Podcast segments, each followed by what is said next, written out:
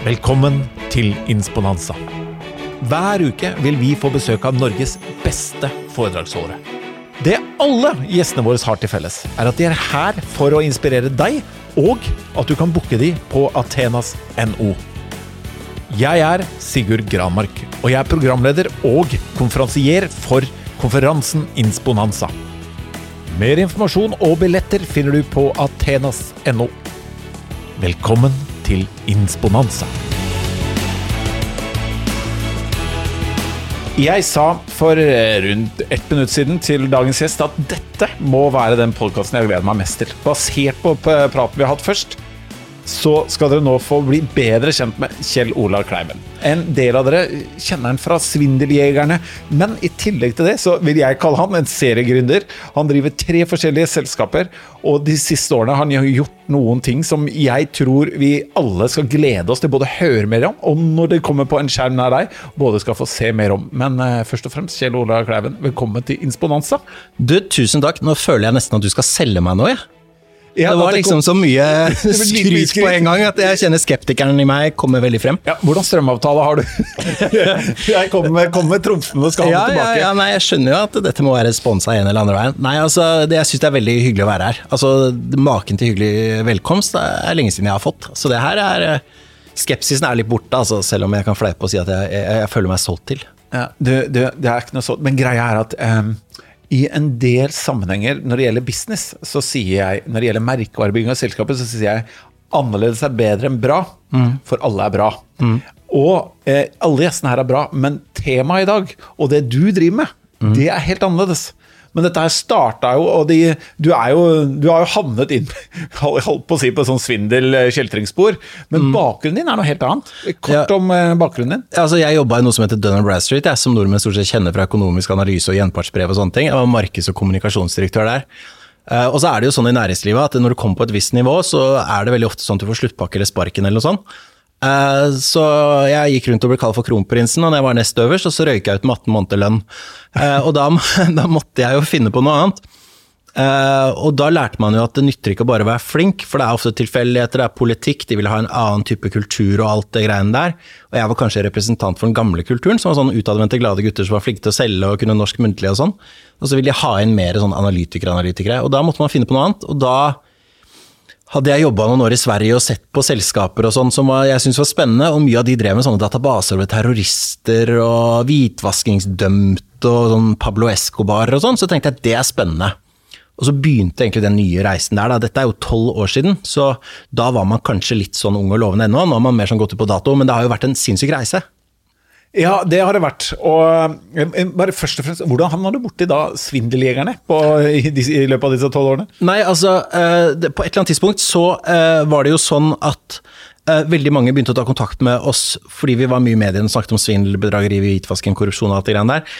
Og så var det mange privatpersoner som tok kontakt og trengte hjelp, men jeg er jo ikke lønnet uh, av staten sånn som politiet er, og ikke kollegaene mine heller, så vi kan ikke jobbe for mannen i gata. Eh, og så begynte jeg å jobbe med at jeg tenkte at ja, men hva om en TV-kanal betaler for det? Eh, og så jobbet vi altså det, Kompisen min Ole Eikeland, som jeg gjorde Svindeljegeren med, han kalte meg for pilotkongen. For jeg laget egentlig tre runder med ulike svindelkonsepter eh, som ikke ble noe av, før det da ble Svindeljegerne med Monster og TV3. Eh, men da var det egentlig tredje eller fjerde gang at jeg var hos TV3 og pitcha et svindelkonsept. Det var bare at timingen var riktig, og jeg tror alle med mer enn IQ enn meg hadde gitt opp innsalget for jeg hadde jo to bøyger. ikke sant? Jeg måtte overbevise folk om at eh, jeg kunne være programleder, og at det var en god TV-idé. Eh, det er liksom to kriger du skal vinne, ikke bare én. Som regel så selger man jo et konsept, og så har du en etablert person eller noe. Jeg hadde jo ingen av delene. Så, eh, men det ble TV3 til slutt, og så ble det to sesonger da, som var kjempegøy. Det er morsomt å løpe etter skurker på gata, og ikke bare i Excel. Det er morsomt å konfrontere folk. Det er jo det kuleste. Å liksom føle at du er sånn skurkefanger. Og det var jo i den sammenheng også Alle begynte å spørre meg har du gått på Politihøgskolen, og så begynte jeg egentlig å tenke at nei, men det er jo ikke Batman heller. Så svaret mitt har jo da etter Svindeljegerne alltid vært det når folk spør Kjell er du egentlig politi, så sier jeg nei, men ikke Batman heller. Jeg sier ikke at jeg er Batman, men ingen har sett oss samtidig. Ja, ikke sant? Ikke sant? Så Men er er den um, Hvor er dette her noe sånn eh, Vi snakket om i stad det derre Det veiskillet. Når blir folk eh, et typ sånn Hvilken sommer gjorde du din første mm. kjeltringstrek eller røverstrek som ble alvorlig? Men er dette noe som eh, kom i sånn type voksen alder, eller har du vært alltid opptatt av typ, om det er eh, rettferdighet eller jeg, rett og galt? Ja, altså jeg tror uh, alle mennesker, eller veldig mange, har et innebygd sånt rettferdighets uh, gen, hvor man på en måte er opptatt av at ting skal henge på greip. Uh, men jeg tror fascinasjonen min for dette kom ettersom man kommer inn i næringslivet, og litt den derre strigla av fireverden hvor alle har brettekanter og tellekanter og blå skjorter, og vi ser like ut, alle kjører Tesla, og alt er likt. Uh, så på et eller annet tidspunkt så begynte jeg å tenke over For man følte seg litt annerledes, og så begynte jeg å tenke over hva er det som har gjort at jeg har havnet i den blåskjorteverden, og andre kompiser, for eksempel uh, for eksempel endte opp som kriminelle. Fordi vi hadde jo ganske lik bakgrunn i utgangspunktet. Uh, og så begynte jeg å interessere meg for det, og så gjennom da å starte Risk Information Group, som jeg startet for tolv år siden, sammen med makkeren min Preben, så begynte jeg jo å liksom få dybdeinnsikt i kriminalitet. Terrornettverk, hvitvasking, Inamenas, vi husker alle når liksom Statoil legger blangrepet og sånn, eller Equinor som det heter nå. Uh, kidnappingssaker Altså, jeg begynte å få en interesse for det, og så begynte man å ta med seg analysebakgrunnen inn i det, da. Så, men jeg tror liksom jeg har en fascinasjon for det litt mørke, som er en fin motvekt til en hverdag med liksom kjæreste, hund, barn, bolig, eh, ikke sant, i sentrale Oslo, eh, ikke sant, alle det familielivet som vi vanlige folk lever, da. Så, og så er det jo spennende, da. Så, men jeg innser nok noen ganger at det kunne vært meg, andre ganger så tenker jeg men det kunne jo ikke det, for jeg har et etisk kompass. Ikke sant? Men Er det medfødt, tror du, eller er det forma av foreldrene dine? Eller er det, har, altså, det er det jeg forsøker å forstå. Jeg har ikke, jeg er ikke, jeg har ikke kobla det helt, men jeg tror det er en kombinasjon av genetiske ting, men også miljø. For ikke sant, den sommeren der jeg dro på ferie med mamma og pappa, men kompisene mine ble igjen i Oslo. De som ble igjen i Oslo, stjal kanskje en bil den sommeren jeg reiser bort, hvor tilfeldig var ikke det? Altså, det var jo snakk om at kanskje jeg skulle få være i byen med sant, morfar og mormor. Hva hadde skjedd hvis jeg hadde blitt i byen og hengt med de gutta den sommeren? Hadde jeg vært biltyv da, så hadde jeg kanskje ikke jobbet med det jeg gjør i dag. Altså, det er liksom Det er ganske små marginer i livet, og det syns jeg er veldig interessant, da. Og, og, kriminelle er jo ikke dumme folk. Altså, mange av de folka som jeg har truffet opp gjennom, er jo übersmarte. Altså, de er superintelligente. Ja, Klarer du å se noe trekk? Er det eh, Fordi jeg kommer jo fra Har jo en bakgrunn fra Oslos uh, Ja, både Grønløkka og Furuset, Oslo øst, da. Ja. Uh, og har kompiser som har gjort mye gærent, og, med, og, noen ganger forundrer meg over hvorfor gikk det ikke helt til skogen med meg, egentlig. Mm. Og, og, sånn typ veldig over, overraska. Mm. Tenk mye på disse valgene som du snakker om her også, mm. men klarer du å se er noen sier jo det er arv, noen sier det er noe miljø som foreldresvikt, mm. omsorgssvikt. Eller er det også bare noen ganger du sier det er helt tilfeldig? Jeg, jeg, tror det kan være helt tilfeldig, ja. men jeg tror liksom at uh, det sekund Altså, uh, rus og uh, det å få kick av ting, ikke sant. Alle mennesker trenger å få det et eller annet sted. Jeg får kick av å skape ting. Noen ganger kan jeg få kick av å snakke med intelligente mennesker. Andre får kick av kriminalitet. Det kan være folk som ikke trenger pengene engang, men de gjør det bare for kicket. Ta ranere, da. Uh, som, ikke sant? Det er egentlig dårlig butikk å gjøre Nokas-ranet, for det, i dag så verdens største CEO-svindel, som det heter, fraud, er på 600 millioner kroner. Nokas-ranerne fikk med seg 50, mm. og de skøyt en fyr. De som gjorde den CEO-svindelen, de kom unna med det. De stjal 400 mil, for 600 ble stoppa i lufta, som det heter i cyberbank. Så økonomisk sett så er det mye lurere å stjele penger på nett enn å rane. Men ranet gir et kick. Det gir ikke, gir ikke det andre, ikke sant. Um, jeg drikker jo ikke alkohol og sånn, så jeg får liksom kicket mitt ut av det å skape, det å være på eventyr, det å utfordre mennesker, ikke sant.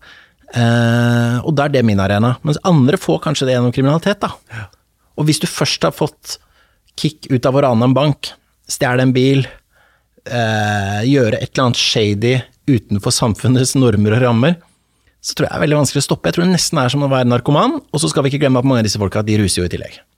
Ja, og hvis du sier at det er deres kick og deres eventyr, mm. så skal du si ditt kick, da, og mm. ditt, ditt, eventyr har jo virkelig gått videre, hvis vi kan kalle det det, altså din reise etter Syndaleggerne. For hva gjør du nå?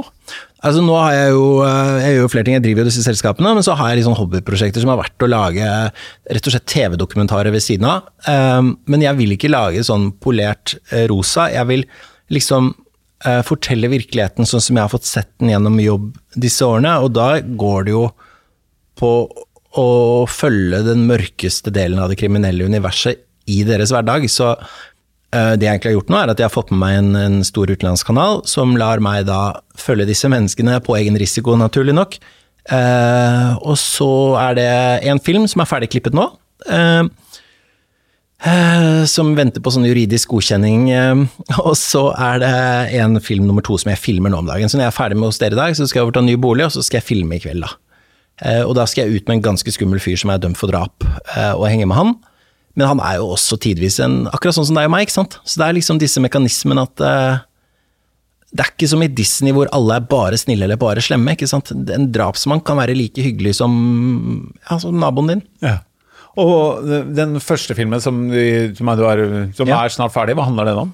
Da har jeg fulgt en kriminell psykopat. Han kaller seg selv for Psykopaten. Han har jeg fulgt på godt og vondt i tre år, eh, mer eller mindre. Eh, har, jeg har vært med ham på rømmen. Eh, han var på rømmen med en torpedo og politi etter seg. Eh, han har da var kjøpt... du med? Ja, vi var jo med, da. Eh, vi har Jeg har hatt han hjemme på middag ved en anledning. Eller hjemme i leiligheten min.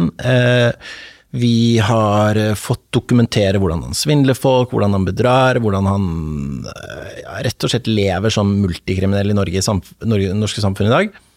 Um, og det jeg syns er mest fascinerende med dette, er at det appellerer like mye til folk uansett hvor det er i verden. Jeg trodde dette var liksom en, en, en film for Norge, og så viser det seg at interessen er mye større ute, da. Så uh, Men uh, det er vel kanskje at folk også i Norge forventer seg kanskje mer sånn Svindeljegerne-aktig. Ja. Uh, mens jeg føler at jeg har lyst til å vise virkeligheten uten rosa filter. og da må man dypdykke inn i det som er ubehagelig. og denne filmen er jo Den gjør litt vondt å se, men det tror jeg er litt sunt også, fordi det er ikke alltid man skal skyve virkeligheten under teppet. Noen ganger så, så er det sunt å se at alt er ikke perfekt, og det er mange der ute som faller mellom psykiatrien, kriminalomsorgen og samfunnet. Og denne filmserien som vi lager nå, det handler om å dokumentere deres hverdag, deres kamp mot systemet, deres kamp for å holde seg på skinner, men samtidig sklir de ut i ulike kriminalitetsformer. I frustrasjon, i vold, i sinne, i ja, bedrageri og dritt. Så, men det er en del av samfunnet som de færreste av oss kjenner til, da. så jeg syns det er gøy å få dokumentere det.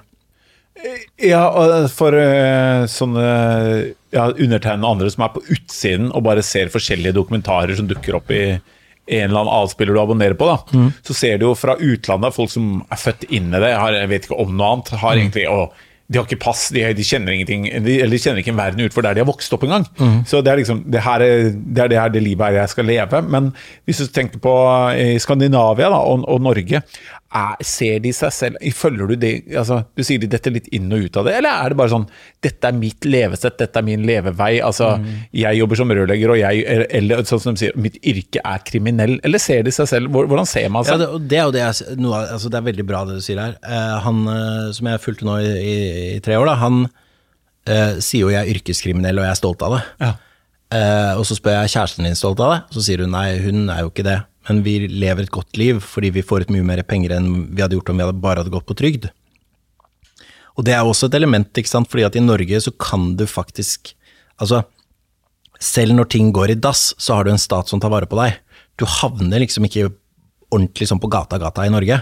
Altså Selv tiggerne våre er jo fra andre land, de er eh, hva heter det, romfolk og sånn. Sånn at det, det, skal veldig mye til å havne sånn skikkelig på gata, men dette er jo folk som er kriminelle og på en måte har valgt det som levevei, da. Eh, og som da åpner opp og deler det med eh, da meg og også dere, eh, når dette kommer på skjerm. og det er liksom en Nei, jeg syns det er spennende. og når man tenker på at bakgrunnen min er liksom risikovurdering og sånn, så de har jo ofte total mangel på evnen til å kalkulere risiko. Og så har de ikke impulskontroll. Det er liksom det er det som gjør dette så gøy. ikke sant? Eh, de eier ikke impulskontroll. Nei. Og ikke noe konsekvensorienterte. Ikke i det hele tatt. Og hvis de ryker inn i fengsel, så syns de det er helt greit, for der treffer de kompisene. Så de ser på en måte ikke det som straff, de ser det som liksom I hvert fall han ene ser det som en mulighet til å slippe å være sammen med dama 24-7. Ja, ikke sant. Så det er mer sånn kompistid, og så lærer han triks, nye svindelmetoder, nye bedragerier. Så, og det er liksom noe jeg ikke drøfter i disse filmene, men det er liksom Fungerer fengselet som avstraffing, eller har det blitt en sånn fritidsklubb? Eh, han første jeg fulgte, han ser det jo litt som en fritidsklubb. Han andre han sier jo at tiden i fengselet har ødelagt han. Spesielt tiden på isolat. Så du har liksom to ulike versjoner av det, da. Men Rehabilitering er ingen av de. Jeg ser vel kanskje ikke helt rehabiliteringen, men jeg vet ikke om det er ment å skulle være sånn heller. Altså, jeg var sånn fadder for en uh, kriminell en gang. Sånn noe som, som en sånn støtteordning da han slapp ut. og han var veldig stolt av at han mente han hadde den streiteste fadderen som var mulig å få tak i. Jeg vet ikke om han hadde rett der, men eh, jeg tror ikke jeg gjorde så god jobb for fadder, som fadder, for han røk jo rett inn i fengsel igjen. Ja, ikke sant. Så jeg, altså, det er mange ting man skal liksom se på i, opp mot dette her, men for meg så er liksom det menneskelige perspektivet viktig. Jeg er ikke politimann, jeg er ikke eh, rettssystem. Det er ikke min jobb å dømme noen. Jeg forsøker å forstå. Det er det elementet jeg har med meg inn, og så gir jo dette meg god innsikt også når vi analyserer og gjør jobber via analysehusene mine. Så har jeg ofte en bedre og mer hands on forståelse av kriminalitet enn de som bare sitter i Excel. Fordi jeg har liksom vært ute når det smeller og blåser og sånn. Eh, som jeg vet at de kundene våre syns er gøy. De ber alltid om sånne røverhistorier før vi starter og skal snakke om det kjedelige. Så det er en fin icebreaker, men egentlig så handler det om interesse for mennesker, på samme måte som vi sitter her nå, og jeg fikk blitt litt kjent med deg før vi startet i dag, så er det liksom, det er det som gir meg glede, da. Hva, men hva er, når du blir kjent med de da, og vi alle har jo, eller i hvert fall de fleste, har jo en hverdag. Hvordan ser hverdagen til en, ja, typ en av disse to du forteller om her? Ja, altså De har jo veldig mye fri, eh, for de gjør jo egentlig ingenting. Eh, de trener, eh, i hvert fall han ene. Han ene trener, han andre trener ikke. Han andre er bare på restaurant og nyter livet, som han sier.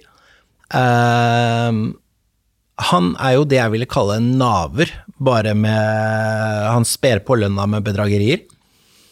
Eh, mens han andre han er mye på gym, og, men han er jo pengeinnkrever i tillegg, så han har kanskje behov for å se litt skummel ut. Eh, jeg pleier å fleipe med at jeg eh, kan slå i håndbak, men jeg vet jo at jeg har ikke. Eh, Jeg pleier også å fleipe med at han må legge våpnene på bordet, og så pleier jeg å gni hendene mine utover våpnene, og så sier jeg sånn, hvis du dreper noen, så får jeg en varsel, for nå er du mitt DNA på våpenet. Og det er min form for practical joke, men jeg vet ikke helt om det går rett hjem i alle kretser, altså. Men man får jo litt mørk humor oppi dette her. Eh, så, og jeg har det jo på kamera at jeg bare at jeg tok på kniva eller kniven eller øksen eller hva det måtte være, så jeg tror ikke akkurat jeg ryker inn på det. Men eh, nei, altså det er, jeg, jeg, jeg tror det er sunt for mennesker å gå litt utenfor komfortsonen, da. Og det her er kanskje mitt steg utenfor komfortsonen. Og så er jeg jo mer og mer bevisst på at jeg har barn hjemme, jeg har en gravid kjæreste, så jeg må være litt forsiktig også. Før så tok jeg større risiko fordi det ga meg et kick. Em, nå føler jeg at uh, jeg, jeg vet liksom at det er Vi backer ut hvis folk er i psykose, eller folk er rusa, eller Man blir mer trygghetsorientert. Ja, og der har du jo folk som, om det er kick, altså det man, du ser om det er basehopping, eller om det er, eller de starter et sted, og så må det litt mer til. Eh, har du nå, er det sånn nå at du har satt deg selv i situasjoner hvor du tenker på at shit, det der var i grenseland. Ja, det gjorde vi jo allerede på Svindeljegerne, hvor vi ble truet med pistol i Spania og sånn.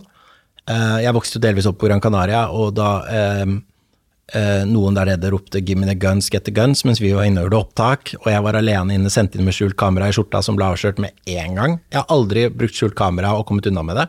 Så det er, det er galskap i seg selv. Eh, Det var et sånn øyeblikk, for jeg har jo hus på Gran Canaria, og det der dette skjedde, var liksom indisk mafia fem minutter fra huset mitt. Så det var ekstremt dårlig dømmekraft.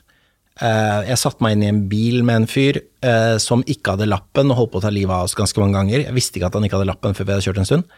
Det var dårlig dømmekraft. Det, det er mange ganger man liksom ikke forstår konsekvensen. Eh, men som regel så er vi veldig tight på Når vi filmer, vi har aldri ryggen mot døren. Når vi er inne skumle steder, vi har gjort en god analyse på exit-muligheter hvis et eller annet skulle gå galt. Eh, og det er veldig bra å ha med seg det miljøet som jeg har i analysehusene mine, som er tidligere politifolk, beredskapsfolk og sånne ting, som er gode på å ivareta sikkerheten der hvor jeg noen ganger blir litt for trygg på at jeg kan snakke meg ut av alt. Mm, mm. For ikke sant, Du og jeg som lever av norsk muntlig, vi er liksom vant til at vi kan freestyle.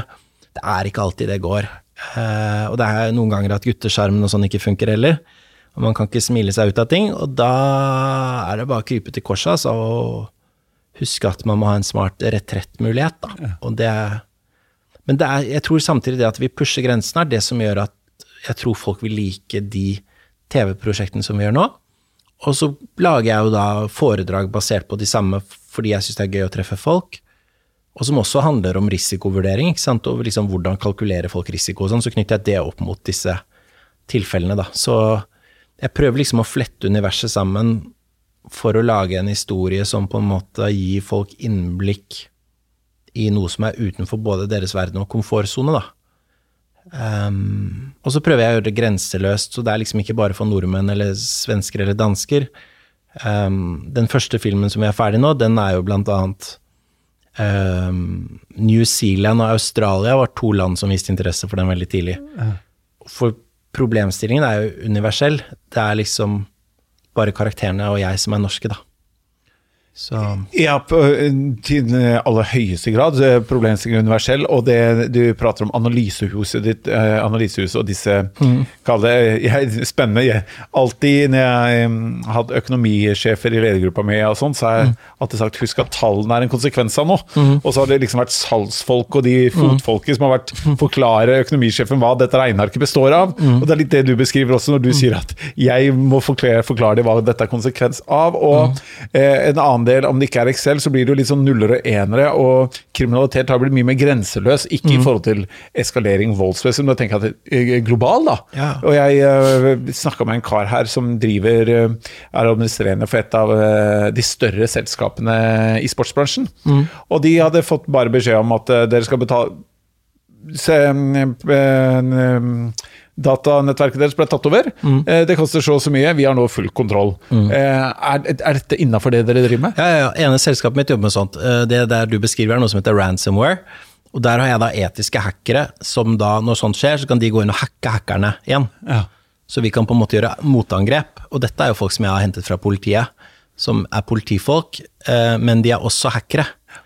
Eh, og um, så, så sånne ting jobber det ene selskapet med. Uh, de er veldig gode på all nettkriminalitet. Det, de ledet jo også operasjoner gjennom politiet som går på liksom dette å, å angripe, rette dem Altså, um, ja, altså sånn hackeraktivitet og sånn, da. Datalesning og sånn kaller man det på, på fagspråket for å ufarliggjøre det. Og det er lov eh, etter datalesningsloven av 2016. Men i dag så jobber vi mye med sånn teknologi inn mot sånt. En annen ting er CEO-svindel. Jeg bare holdt et foredrag for en tid tilbake hvor um, hvor jeg skulle egentlig snakke om motivasjon. Jeg var litt forundret over at de ville at jeg skulle snakke om det. for det er liksom, det, altså, Blant annet Athenas har jo så mange som kan det. Uh, men når jeg var ferdig med foredraget mitt, så sier de Shirua, vi vil at du skal treffe ledergruppa, for vi er CEO-svindlet. Og det er den egentlige grunnen til at vi har booket deg. Eh, så da hadde de da fått meg til en by som ikke er Oslo, for å snakke om motivasjon. Og så satt jeg med ledergruppa etterpå, og så hadde de tapt noen millioner, for de hadde overført De trodde de hadde, eller CFO-en hadde fått instruksjoner om å overføre penger for de skulle kjøpe et selskap. Dette var strengt hemmelig. Det viste at alt det var bløff. De hadde overført masse millioner, pengene var borte. De turte ikke gå til politiet, for de var redd for at det skulle bli offentlig. Uh, og det er liksom den hverdagen som uh, treffer oss i dag, at kriminaliteten skjer liksom uten at vi ser bakmennene, uten at vi ser em, de som, altså skurkene. Uh, og da trengs nye virkemidler, da. Og da er liksom det ene teamet mitt som jobber bare med sånt, de kommer jo på banen. Ja. Uh, og så er det fordi man på en måte har blitt svindeljegeren utad, så får man alle henvendelsene. Og sannheten er at det er et fåtall av de tingene vi blir spurt om som jeg jobber på selv. For jeg ruter det stort sett videre til systemet, men jeg får henvendelsene fordi jeg har jakta på disse skurkene, da. Og uh, de henvendelsene bare, Først for bare for å forklare. CEO-svindlet. Ja, det er, det er uh, På norsk heter det um, direktørbedrageri. Det går egentlig ut på at du um, sitter kanskje som uh, finansdirektør i et selskap, og så får du en mail hvor det står Hei, vi har gjort et oppkjøp. em, Vi skal kjøpe dette selskapet i eh, Kambodsja. eh, så Du er min betrodde medarbeider, så du overfører 100 millioner til denne kontoen, sånn og sånn og sånn. Jeg ringer deg og gir deg nærmere instruksjoner. Og så ringer jeg deg og så sier jeg, hei, hei, du er utrolig imponert for hvordan du har utført jobben din i det siste. Nå skal vi gjøre dette oppkjøpet. Jeg vil at du skal være delaktig fra norsk side. Vi overfører disse pengene fra Norge fordi at Norge er et trygt land og sånn og sånn og sånn. Du overfører 100 millioner, og så overfører vi tilsvarende penger fra en del andre håndplukkede land innen konsernet. Kan du overføre pengene og gi meg en eh, bekreftelse på at det er gjort? Jeg vil at du skal sitte i ledergruppa forbundet med dette oppkjøpet. Så overfører du penger, da. Uh, og så ringer CEO-en opp igjen og sier vel utført. Du, eh, en av de andre landene kunne ikke betale. Kan du overføre ytterligere 50 mill. fra Norge? Uh, du skal selvfølgelig få en god bonus for vel utført arbeid her. Så viser det seg jo ettertid at den CEO-en og de mailene du har mottatt, er bare bullshit. Dette er egentlig svindlerne som da har kombinert eh, eh, cyberangrep, hvor de har lest mailen din og sånn, for de tar kontroll på mailboksen din. Eh, så for eksempel alle De har kanskje da til og med ikke sant, navn på selskaper du dealer med, de har lest fakturaen du har fått som økonomidirektør og alt det der. Og så i tillegg så sosialt manipulerer de deg. Og det er den sosiale manipuleringen som egentlig gjør det unikt. Men ofte så er de inne i mailboksen. Vi hadde en stor sånn sak i Norge i fjor. Norfund tapte 100 millioner. Den havnet på statsministerens kontor, så vidt jeg vet. Og dette skjer liksom hver dag. Og det er flaut for selskapene å gå til politiet. Uh, og så er det ekstremt elegant utført. Og hvis du tenker på at Norfund tapte 100 mill., som havnet i Mexico uh, Nokas-ranet var på um, 50 de, alle, alle nordmenn har hørt om Nokas-ranet, til og med film. Det er ikke så mange som har satt seg inn i hva som egentlig skjedde med Norfund, eller alle disse andre casene. da. Så det er CEO-bedrageri, eh, og jeg har da en del av de flinkeste politifolkene på dette, tidligere politifolk, nå jobber de hos meg, eh, som jobber bare med det for våre kunder. da. Så det er liksom et litt sånn rart og sært univers. Det er jo en kjempeliten nisje, men det er det jeg syns er fascinerende. da, liksom Hvordan alt henger sammen. Er eh, norske selskaper er vi, vi, IT-messig så har jo Norge kommet et stykke i forhold til resten av verden, sammenlignet med resten av verden. Eh, er, eh, er vi, men er vi naive når det gjelder sikkerhet, eller er vi gode på det? Både og. Altså, um, da jeg begynte med disse tingene, så lærte jeg veldig fort at vi nordmenn har vært beskyttet av geografien vår i alle år. Um, vi er liksom eh, Altså, vi er liksom ikke en del av Europa på samme måte som andre. Vi har det er veldig avstand mellom folk, vi er godtroende. Da jeg var liten, så låste vi ikke døra hjemme. Altså, Vennene mine gikk jo ut og inn som det passet dem. Sykkelen min var aldri låst. Uh, bilen til mamma sto ofte med nøklene i tenninga på Nordstrand. Altså, dette er i Oslo, liksom. Uh, og det har jo blitt bedre siden den gang, men fortsatt er det jo slik at vi stoler på hverandre. Og uh, når jeg holder foredrag, så snakker jeg ofte om tillitssamfunnet, og fortsatt er jo vi et tillitssamfunn. Liksom, det er sjokkerende når norsk politi har våpen. Ja. Ikke sant? Fortsatt er vi der. Eh, På flyplassen så viser vi ikke ID når vi skal ut og fly. Eh, Vi border flyet uten at noen egentlig vet hvem vi er. Jeg kan si at eh, jeg er deg, og du kan si at du er meg. Jeg vedder på at vi også kunne byttet pass. Vi har brunt hår begge to og sånn. Så det er liksom alt er basert på tillit. Og det er klart at selv om vi har blitt bedre på IT-sikkerhet og sånn, så er det fortsatt veldig mye fallgruver. Og det du fortalte om med da ransomware, altså utpressing som kompisen din var utsatt for, sånne ting skjer jo hver dag. Fordi vi har en høy betalingsevne og vilje i Norge. Vi har masse penger her som et oljerikt land. Og så er vi jo litt sånn godtroende, da. Og får vi et klapp på skulderen og blir litt sånn sosialt manipulert i tillegg, så er vi jo helt med, for det er jo så sjelden vi får komplimenter her til lands.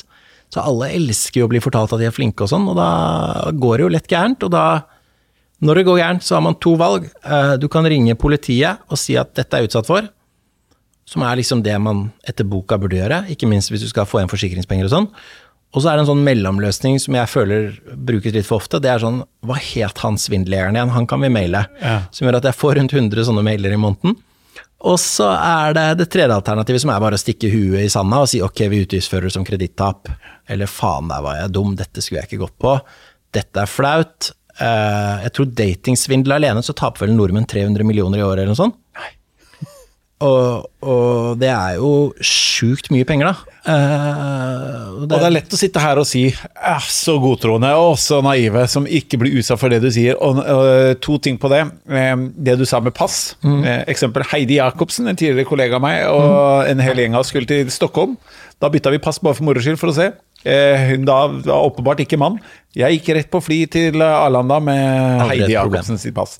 Eh, og når det gjelder det med CEO, jeg bare minner dere på når, eh, når, eh, når han sier at vi eh, når CEO-er i store selskaper, Mm. så kan det være CEO-er som du kan jobbe i 20 år, du har aldri hørt stemmen deres. Akkurat sånn det er. Og, Men så er det jo sånn som med deg og meg og sånn, da. For det, jeg sa, sier jo alltid det, ikke sant. Du har aldri hørt stemmen deres.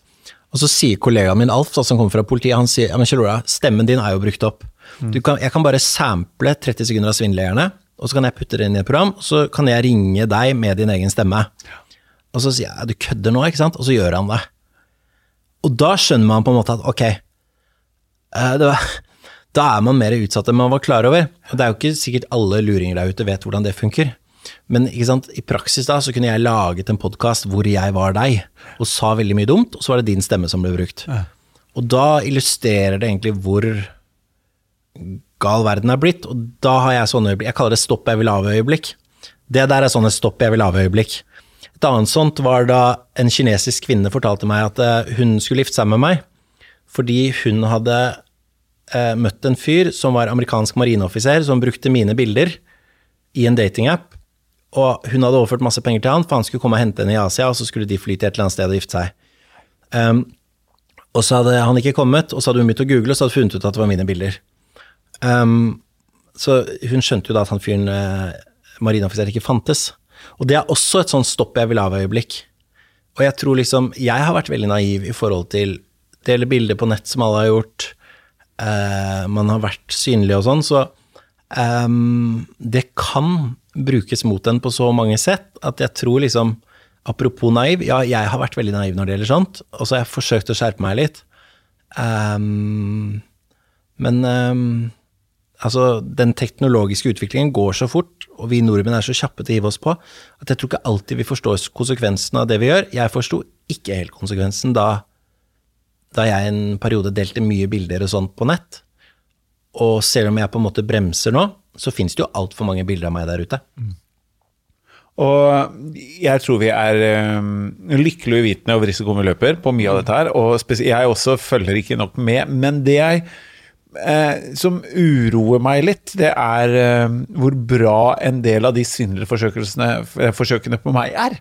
Eh, har du noe sånn Dette er mine tre tips til sånn privatpersoner. Hva, hva bør vi se opp for? Altså, Største problemet da, eh, på nett er at du egentlig ikke vet hvem du dealer med. Eh, Så det vi gjør nå, er at jeg har satt disse etiske hackerne med politibakgrunn og en del andre til å forsøke å liksom finne ut hvordan kan vi egentlig vite hvem det er vi har med å gjøre på nett. Eh, Men der kan mannen i gata også gjøre noen tester. Hvis du har med sosiale, platt, sosiale, sosiale plattformer à la Facebook og sånn. Eh, Hvis noen tar kontakt med deg, kan være Du kan tro det er en god venn, for det er profilbildet til en god venn, men ofte så er det luringer som ligger bak. Men det å liksom se hvor er dette bildet brukt ellers på nett, gjøre bildesøk, gjøre litt research i all dialog man har på nett, aldri overføre penger til folk. Eh, folk som blir datingsvindlet, så pleier jeg alltid å si at det skal ikke koste penger å ha en kjæreste. Jeg vet at det er fryktelig teit å si. Ehm, og alle har vel hatt en kjæreste opp igjennom som har kosta penger, på et eller annet sett. Men det er liksom det, er liksom det å gå ting litt i sømmene, da. Um, jeg har blitt svindlet selv. Jeg skulle leie feriehus som ikke fantes. På den tiden så kom jeg til Gran Canaria hvor vi skulle hadde leid et hus, og så viste det seg at det huset fantes ikke. Og så snudde jeg meg fort og booka hele familien inn på et hotell. Ehm, hadde jeg gjort litt research, jeg er til og med veldig kjent på det når jeg har gått på videregående skole der og sånn, og gått ut skole der, så hadde jeg jo visst Altså hadde jeg gjort litt research, så hadde jeg visst at det huset ikke fantes. Men jeg, jeg ikke sant, stressa hver dag. Men det å stoppe opp iblant og bare ta de logiske bristene og si ok, det er veldig merkelig at den personen spør meg om penger på nett. Det er veldig merkelig at ikke sant? Den magefølelsen man har, da. Ofte har man en magefølelse, men så lar man det passere. Det å liksom fange opp det, og så se etter de logiske bristene. Alle syns jo det er gøy å være litt frøken detektiv eller Hardy-guttene.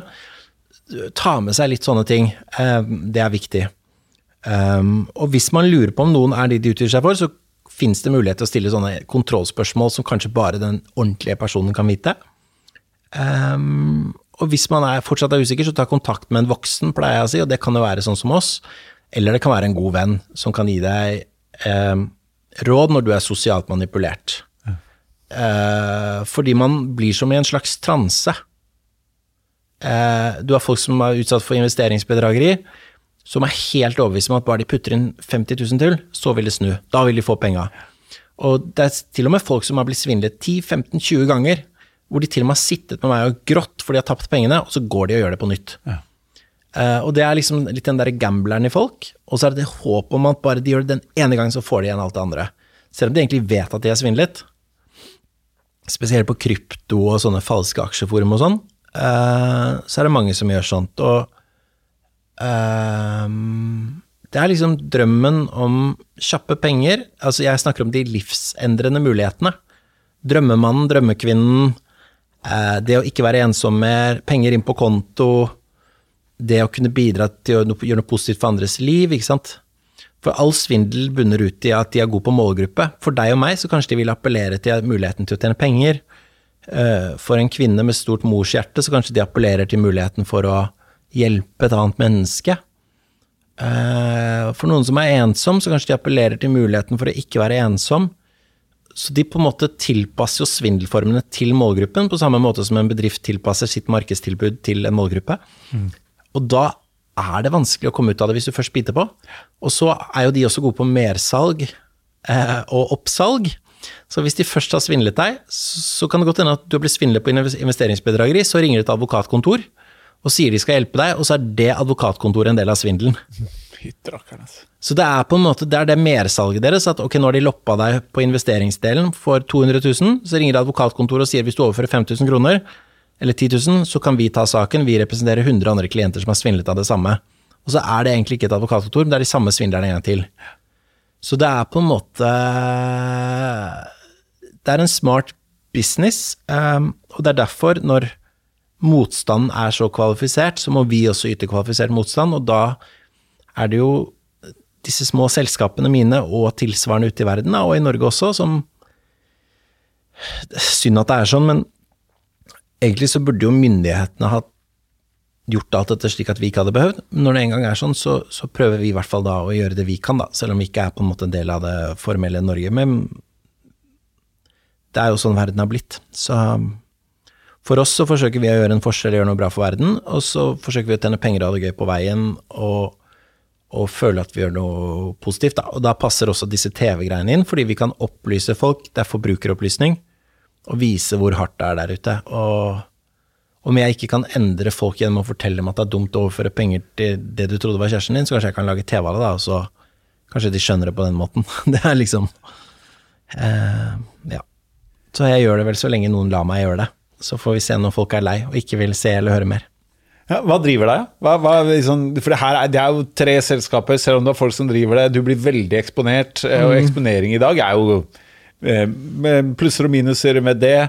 Du mm. får noen inntrykk og noen, den der the dark side som mm. sannsynligvis også blir en del av livet. Hva, hva føler du driver deg? Sånn, apropos noen som tok deg for motivasjon. Jeg syns det er gøy å skape og så syns jeg det er gøy at hvis jeg kan skape med alle mine begrensninger, og få ting til som folk ikke trodde var mulig, så gir det meg et kick og en glede. Og så er jeg stolt over at jeg kan skape et levebrød for meg, mine ansatte og min familie, som gjør at jeg på en måte bidrar til Norge gjennom skattepenger som gjør at de kan bygge opp f.eks. Altså, ved at mine ansatte skatter, så kan det offentlige Norge få penger som gjør at de kan ansette. Altså, Ofte når vi f.eks. får kritikk for at vi ikke er politi, da, eller ikke er en del av det offentlige, så det vi gjør, i tillegg til at vi gjør noe bra for samfunnet, så kan jo det offentlige ansette flere politifolk, f.eks.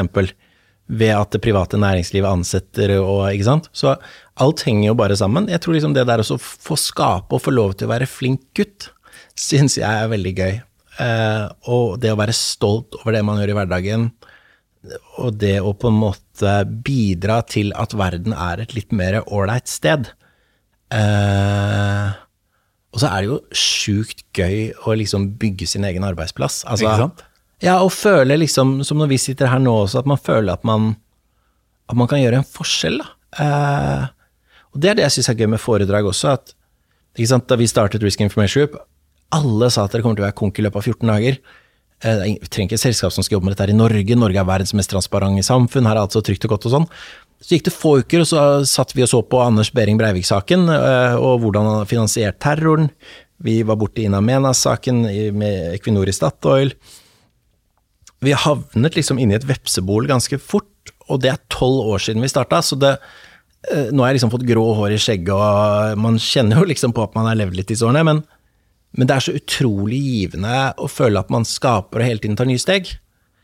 Eh, og så har man jo blitt litt klokere, for vi lærer jo, og vi gjør jo feil hele tiden. Så nå, for fire år siden, så var jeg liksom veldig på barrikaden og hylte og skreik om alt. Nå føler jeg at det er litt ålreit å ligge litt lavt en periode, og så vet jeg at eh, man har fått en mer sånn trygghet som jeg tror vi menn får når vi passerer 40. Ja. I at man behøver ikke alltid være synlig, man behøver ikke alltid vise muskler.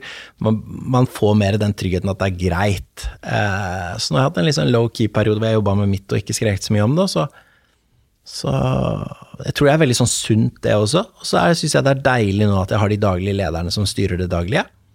Og så kan jeg være litt sånn syvende far i huset um, og ta litt de klinsjene jeg vil, og være litt kreativ og uh, åpne dører for kollegaene mine og sånn. Jeg syns det er deilig nå at nå er det de som liksom fronter de enkelte selskapene, da.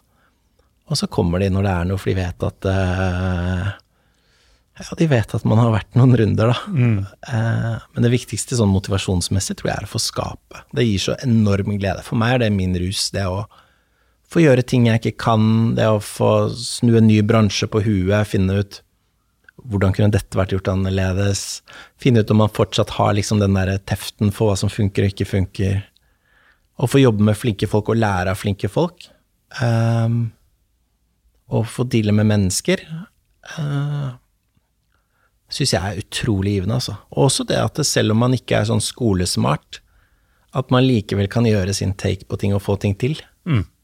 Ofte så tror jeg som gründer så har det vært en fordel for meg ikke være skolesmart, for hvis du går mye på skole, så lærer du alt om det du ikke kan. Men hvis du ikke har så mye skole, så vet du bare det du kan. Så der hvor andre kanskje som har masse mastergrader og sånn, de sier ja, men det er umulig, så kan jeg mer tenke ja, men jeg tror det kan funke sånn og sånn, og så prøver jeg. Mens mange andre ville ikke prøvd fordi jeg hadde sett alt som kunne gå gærent. Jeg ser bare det som er mulig, for jeg vet jo ikke noe om alt som ikke er mulig. Det tror jeg er en sånn fordel, da. Hvis du tar bort barn og familie, hva er du mest stolt av å få til? At man aldri gir opp. Mm. Eh, jeg sier til sønnen min hver gang jeg er sammen med han, jeg er han annenhver helg, så sier jeg Maximilian, hva er familiereglene våre? Og så sier han det er ikke lov å gi opp, pappa. Eh, det har vært så mange ganger hvor det har vært veldig lett å gi opp, og jeg kan nesten begynne å grine bare jeg tenker på det. Hvor du blir avskrevet av omverdenen, avskrevet av alle, inkludert avisen. Jeg lurer på hvor mange år Finansavisen ringte meg da jeg starta Risk Information Group og ville skrive om at vi gikk i underskudd. Hadde man ikke vært så forbanna sta og liksom tenkt at fuck it, jeg skal vise dem, så hadde man jo gitt opp. Og det er litt trist. Uh, nå betaler vi utbytte på hva er det syvende året på rad eller noe sånt til aksjonærene. Utbytte gikk i dag, faktisk. Um, og da er jeg stolt av at jeg aldri har gitt opp. Og jeg, jeg, tror aldri jeg kommer til å gi opp heller, for nå er man så, etter hvert blitt så skadeskutt alle veier av alle som prøver å få en til å gi opp, at man bare kjører. Uh, og det er det jeg prøver å appellere til i disse skurkene jeg treffer, og liksom at det er aldri for sent å snu, det er aldri for sent å liksom få orden på livet sitt og bli en som gjør det riktig og ikke gir opp. For problemet med mange av disse er at de har gitt opp. Og når du gir opp samfunnet og gir opp troen på at du kan lykkes innenfor lovlige rammer, da blir du kriminell, ikke sant. Hvordan, eh, Hvis vi bare holder på eh, deg, da. Mm. Når du merker at det blir tøft, er det en sånn eh, Nå må jeg eh, All in, som jeg bruker, da. Nå må jeg gå all in. Eller er det, merker du at det er når andre begynner å vingle, at du blir sterkere? Eller hvordan merker du at nå handler det om å stå i det her? Og eventuelt, hva gjør du da? Mm, altså, jeg tror det derre jeg tror, det, jeg tror fordelen min i den næringslivsrollen har alltid vært at eh, min viktigste rolle er når det brenner. Mm. Å være den som fortsatt har troen. Jeg må være den sterke kapteinen. Altså, jeg pleier å bruke sammenligning med Christoffer Columbus, da, som seilte og seilte og seilte fra Gran Canaria, faktisk. Og når mannskapet var i ferd med å gjøre mytteri, så sa han jeg trenger et par dager til. De var tom for vann, de var tom for mat, de var tom for alt. Uh, og han var liksom De trenger et par dager til. De ville ta livet av meg, jeg trenger et par dager til. Vi kommer til å komme i land, jeg lover. Det å være den der som sier 'jeg trenger et par dager til', vi kommer til å komme i land, eh, det er liksom, jeg tror, min viktigste rolle. Og jeg tror det er det som også gjør at investorene gir meg penger gang på gang. Det er at de vet at jeg har aldri ikke kommet til land. Uh, og så vet de at det kommer til å bli tøft. De vet at uh, at det ikke er 1, 2, 3, det er ingen quick fix, man, ingen blir rike over natten. Motivasjonen har aldri vært rikdom heller, men liksom det å skape noe som er profitabelt, er viktig for meg. Men Men uh, det å ikke gi opp er liksom hele leveregelen, tror jeg. Det hadde vært så lett å gi opp. Man kunne gitt opp den dagen Jeg husker rådgiveren på skolen da jeg var liten sa at kanskje jeg skulle begynne på sånn håndverkerlinje. Uh, fordi at jeg var ikke så glad i sånne enkle skolefag. Altså, den læreren hadde aldri sett meg slå i en spiker. Det kan godt hende at jeg ikke var så god i naturfag, men jeg er mye dårligere på å hamre spiker. Så, så men det er liksom den der, den der, det å ha den der troen, da. Og, og det tror jeg er det viktigste. Jeg tror liksom Du kan ha fagfolk som er gode på alt mulig, men det å være den som aldri gir opp, det å være den som finner løsninger når det er bekmørkt, um, det er kanskje blitt min sånn um, greie i livet. Uh, og det er jo det som også liksom Det fins alltid løsninger. Um, og så vet man jo også at kirkegården er full av uerstattelige mennesker. Men liksom det å være den der løsningsdriveren Alle organisasjoner trenger sånne folk. Uh, jeg tror den kjappeste veien til, til lederstolen er ikke uh, enda en mastergrad. Det er det å være den som alltid serverer en løsning og ikke et problem. For det er de vi alle trenger. Eh, da jeg jobbet i stort selskap, så jo Hadde jeg de som alltid kommer med problemer, så hadde jeg de som alltid kommer med løsninger. og hvis du er en som alltid kommer med løsninger til din sjef, så er det ikke så lenge før du blir en favoritt. Eh, og jeg tror det er sånn, altså, med veldig mye, da. Sammen med investorene de jeg jobber med. Jeg har lovet meg selv at jeg aldri skal komme til dem med et problem uten å ha et forslag til en løsning. Så må de gjerne komme med en alternativ løsning, men um, det å være den der løsningsarkitekten tror jeg er uh, tror jeg er nesten det viktigste. Og det var det jeg snakket om da jeg snakket om motivasjon også. Det med liksom finne løsninger på ting. Det å ikke gi opp å være målrettet, og selv om alle forteller at du skal seile til venstre eller til høyre, eller styrbord babord, hvis du vil bruke den uh, terminologien, hvis målet er rett frem, så kan folk si hvor mye de vil at du skal til styrebord og babord, men du skal rett frem, og da må du ta det avvikende støyen og bare fjerne den, så må du holde troen på rett frem. Uh, som Christoffer Columbus så kommer du jo til Karibien før eller siden, og der er det jo nok å kose seg med. Um Vanligvis er dette her uh, fase hvor jeg sier uh, hva er det du vil at folk skal booke foredrag på, men for første gang så skal jeg si at det skal du ikke lure på. Du skal, om, du, om foredraget kommer opp på Athenas med en ny tittel som heter 'To dager til', men hvis du lurer på hva som skal til, og hvis du lurer på virkelig hva som har bygd eh, Kjell Olav Kleiven, så tar du og spoler tilbake et par minutter, så hører du dette her.